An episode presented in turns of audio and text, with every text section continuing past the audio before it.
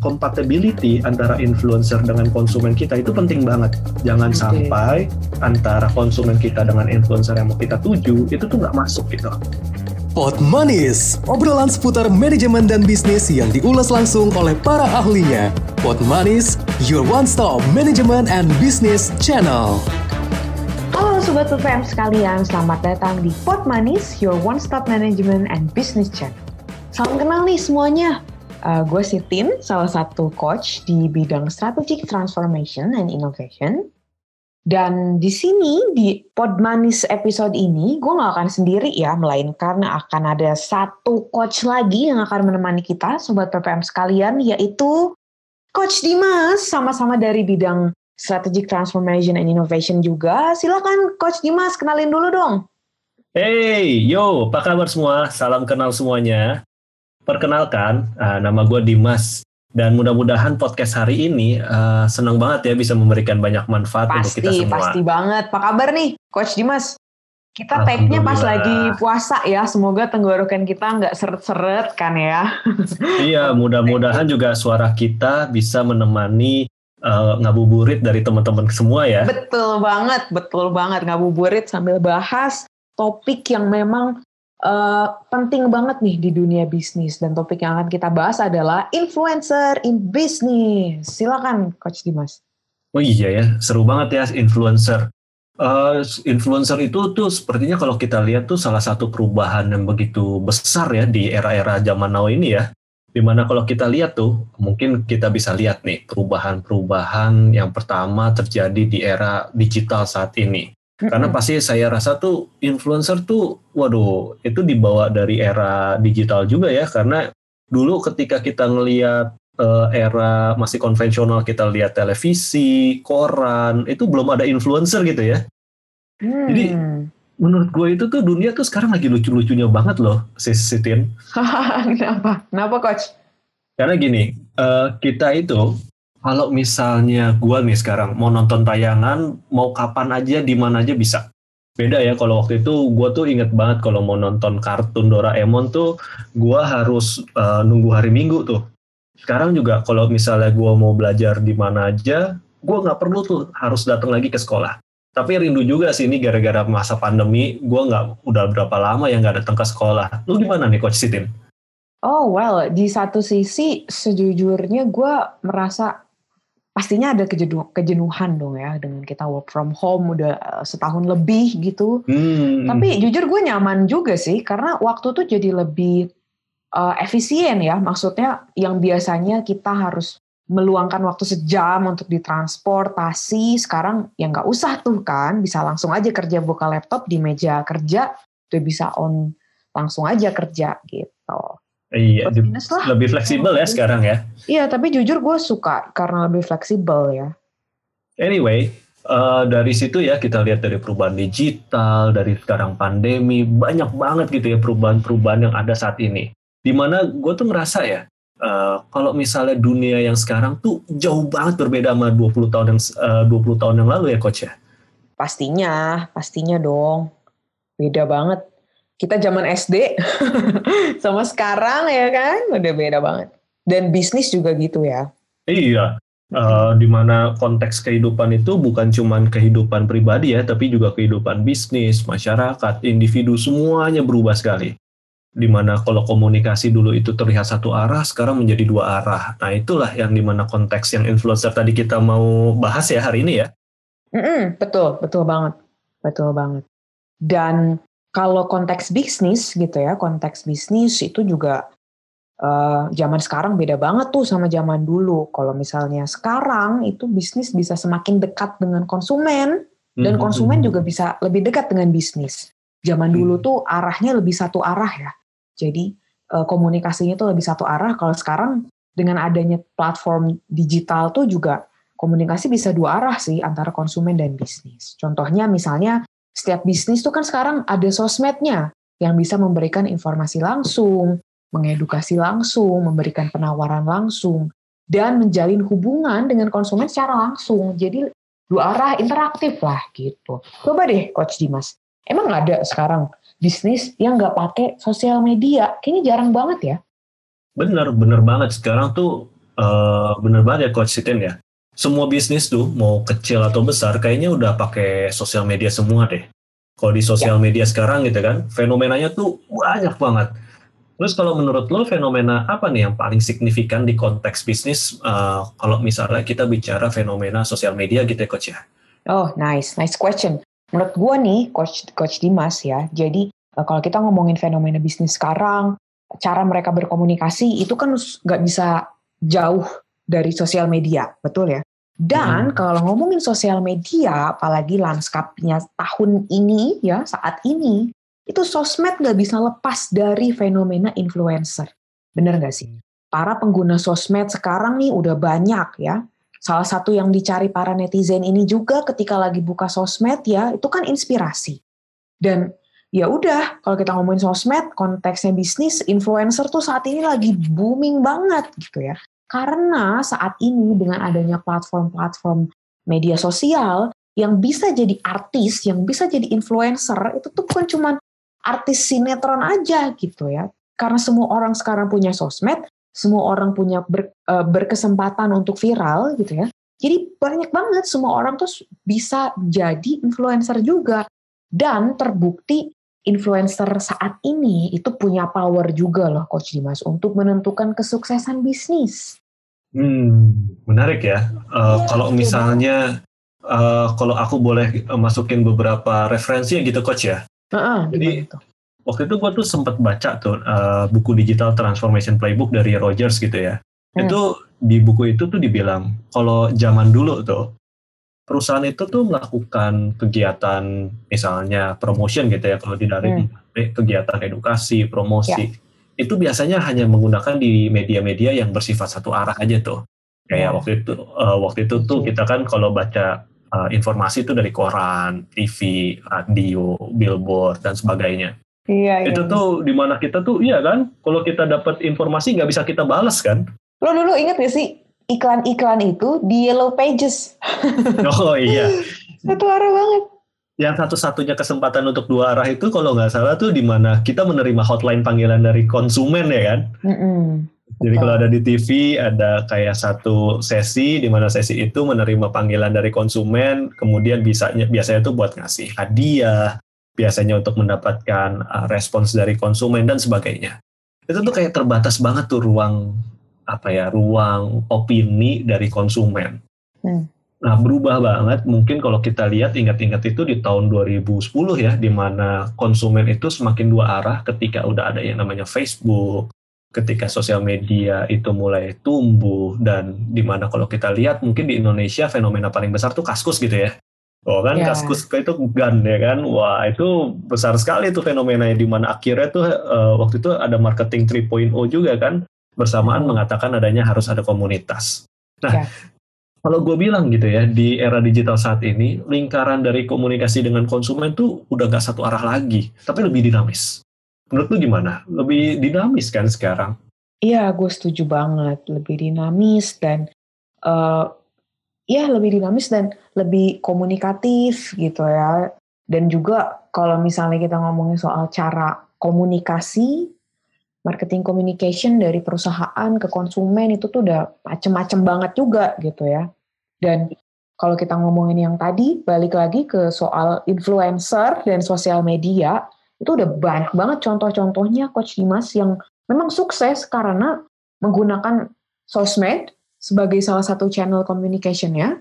Dan di dalam sosmed itu juga menggunakan jasa influencer gitu untuk bantu mempromosikan barang dari perusahaan tersebut gitu.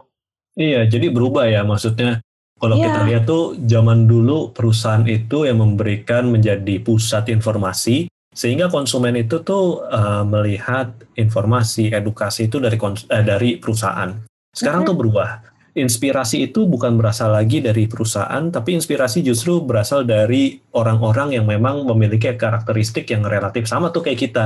Ya mungkin influencer gitu ya, yang di mana reach-nya lebih ya, jauh, betul. tapi itu mirip dengan kita. Jadi kayak ada apa ya kecocokan, compatibility gitu kan? Relatability juga ya, bisa relate, aspire bisa kita bisa menginspirasi mereka tuh seperti itu. Dan sosok influencer juga sekarang jadi salah satu kunci sukses yang dapat mempengaruhi dan menginspirasi konsumen. By the way, ini gue ada beberapa contoh-contoh nih, Coach Dimas ya. Hmm. Jadi banyak banget uh, contohnya, baik itu dari uh, bisnis level skala corporate maupun skala UMKM. Jadi ada nih satu fenomena, jadi ada sebuah brand kosmetik untuk remaja yang pertumbuhannya per, per tahun itu sekitar 300 sampai 400 persen. Bayangkan sebesar itu dan brand tersebut itu dia nggak beriklan via TV, TV komersial, tapi fokus pada sosial media, events, dan penggunaan influencer.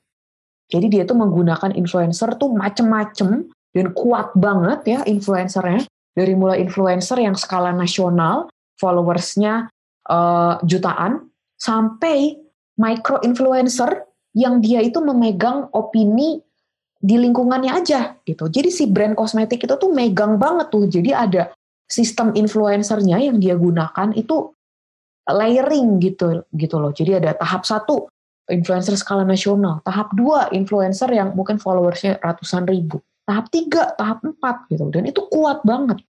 Gitu hmm. sih. Ini untuk remaja ya sis?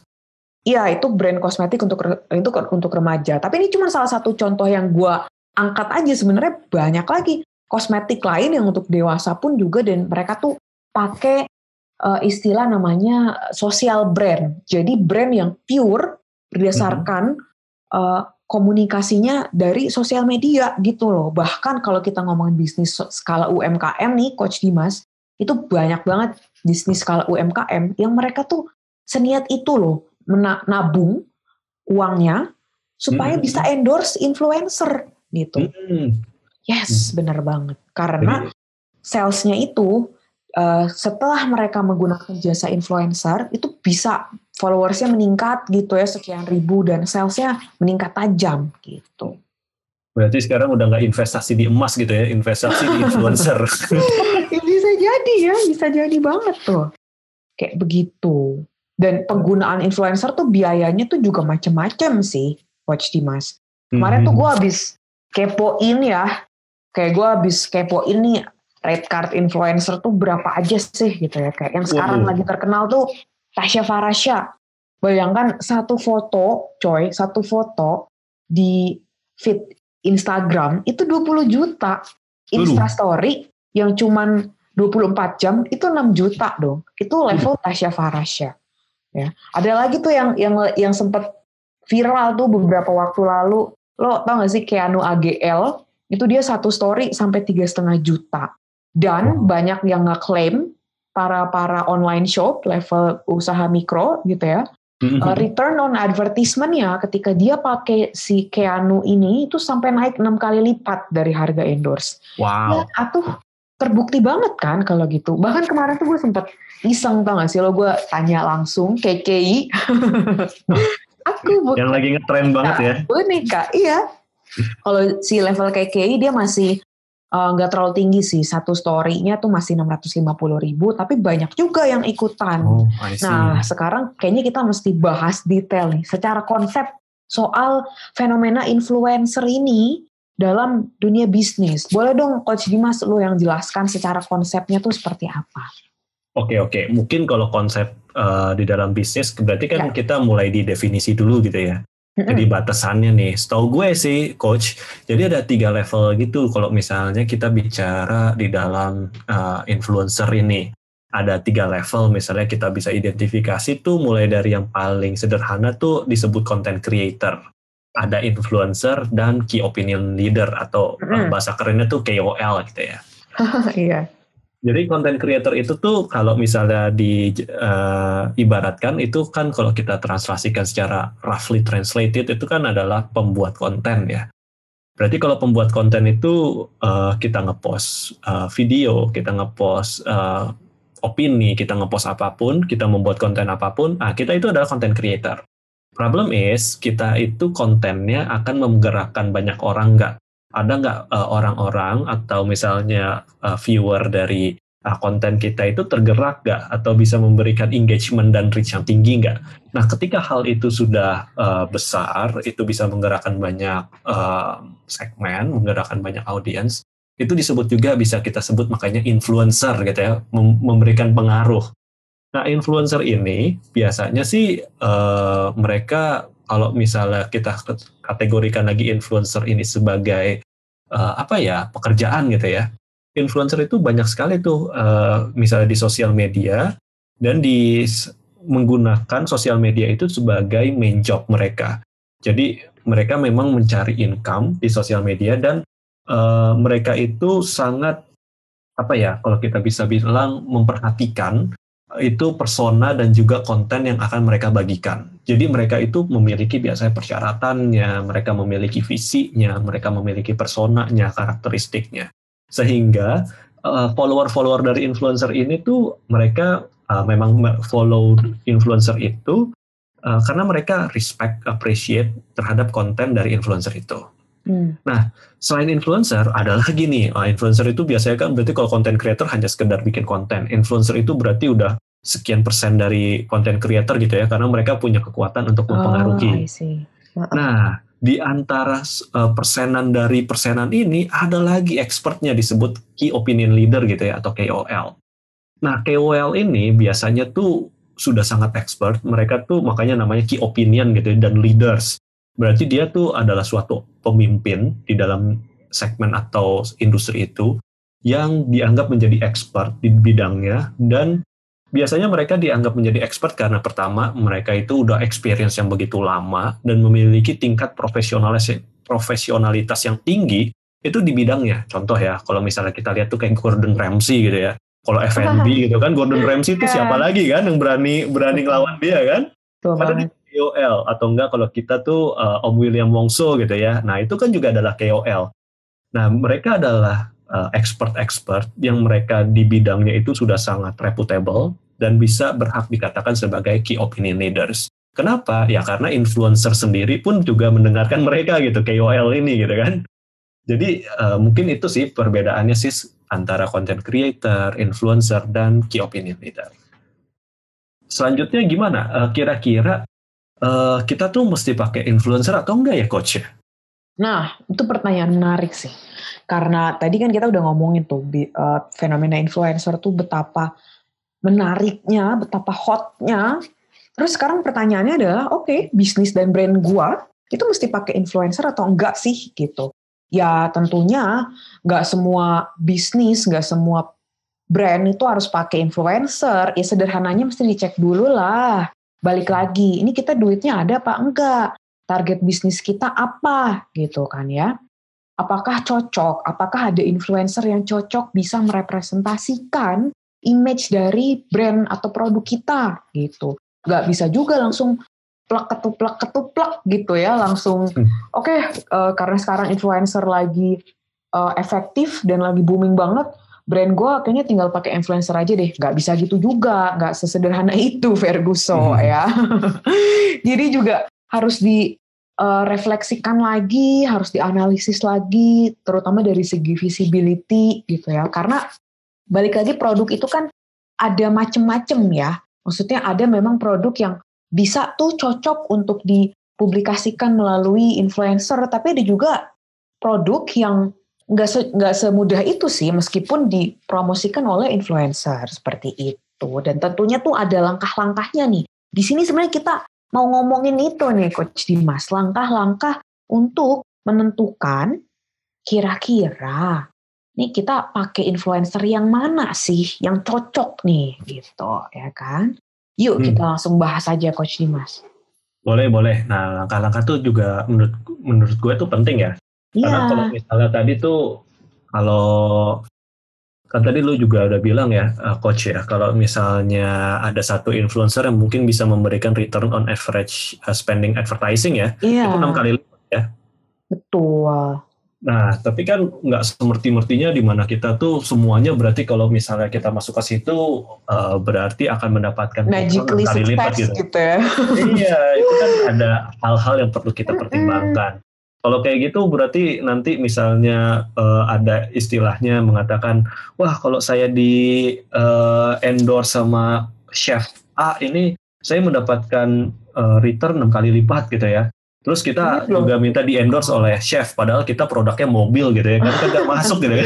Agak nyambung coy. Oke langsung aja nih, coach kayaknya kita tentukan langkah-langkah apa sih langkah yang pertama nih kalau misalnya kita mau menggunakan influencers untuk mempromosikan, mengkomunikasikan brand kita?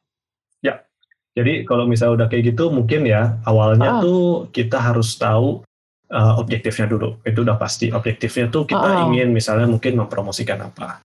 Apakah okay. kita ingin misalnya objektifnya itu untuk mengedukasi konsumen kita Mm-hmm. Mungkin produk-produk lama kita ada yang memang kurang dimengerti, mungkin oh. ada pelayanan-pelayanan kita yang kurang dipahami, mm-hmm. atau mungkin ada uh, produk baru nih, kita mungkin ada season baru nih kan lagi lebaran, kita ingin meluncurkan misalnya hampers atau yang lainnya. Yeah.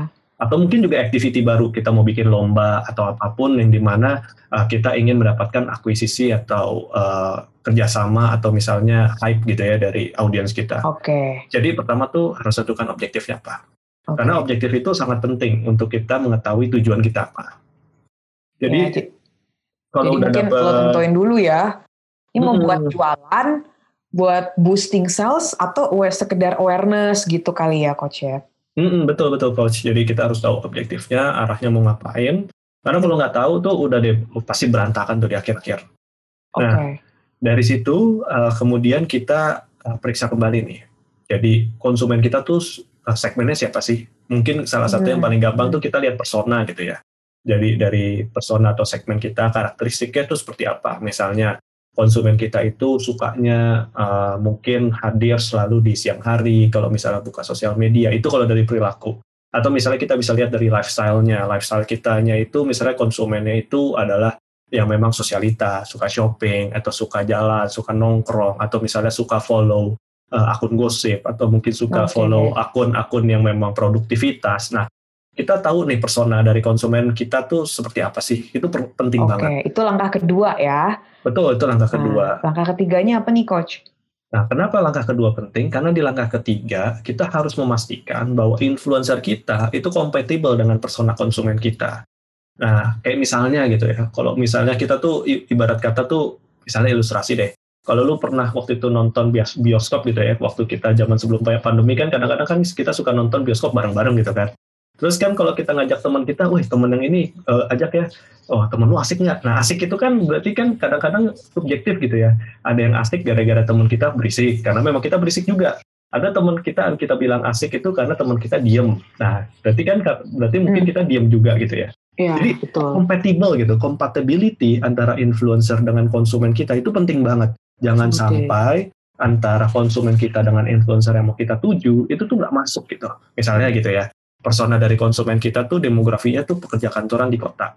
Nah, kita harus cari influencer-influencer mana yang sesuai dengan mereka yang me memang suka uh, berhubungan dengan kantoran dan sebagainya. Ya, nah, ini langkah ketiga ya. Jadi kita ketiga. cekin dulu kira-kira persona mana nih influencer yang cocok sama persona konsumen kita gitu ya dan kompatibel. Oke, okay, noted. Langkah terakhir apa nih coach? Nah, yang terakhir gitu ya.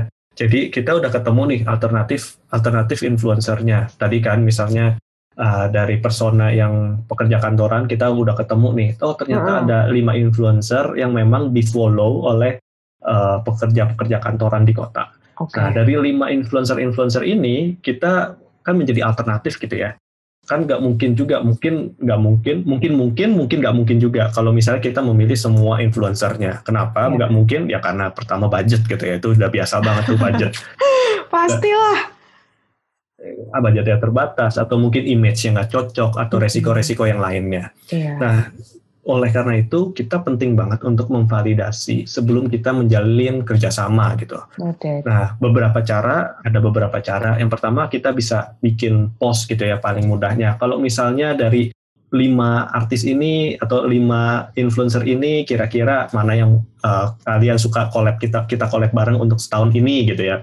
Jadi ngomongnya tahun ini nanti atau bulan ini bulan depannya collab yang mana. Jadi kita merankingkan atau kalau misalnya itu terlalu direct, kalau misalnya ah itu terlalu direct gitu kan karena kita jual nama. Nah kita bisa jadi dengan cara yang hal yang lain, misalnya dengan storyboard, habis itu kita uh, panggil calon konsumen kita atau kita panggil konsumen-konsumen kita dan kita tanya apakah kalau misalnya kita kerjasama atau kolaborasi dengan influencer ini, mereka hmm. itu seneng nggak ya kalau misalnya mendapatkan kayak apa ya endorsement dari influencer yeah. si ini atau yang ini, mereka seneng nggak? Kalau misalnya ketika kita tanya kepada konsumen kita dan mereka nggak seneng, ya berarti nggak cocok gitu, nggak kompatibel gitu, nggak jodoh gitu ya. Berarti kita harus mencari influencer lain yang memang kompatibel dengan uh, segmen kita. Kayak Itu sih cek ombak langkah-langkahnya. dulu kali ya, Coach Mm-mm. Mas ya. Jadi langkah keempat ini kita validasi gitu ya, alias cek ombak nih emang cocok atau enggak sih gitu. Mungkin kalau gue bisa simpulkan, langkah satu tentukan objektif, langkah dua kita cek nih persona konsumen kita, langkah tiga kita pastikan eh, bahwa influencer yang akan kita targetkan itu kompatibel dengan konsumen ya.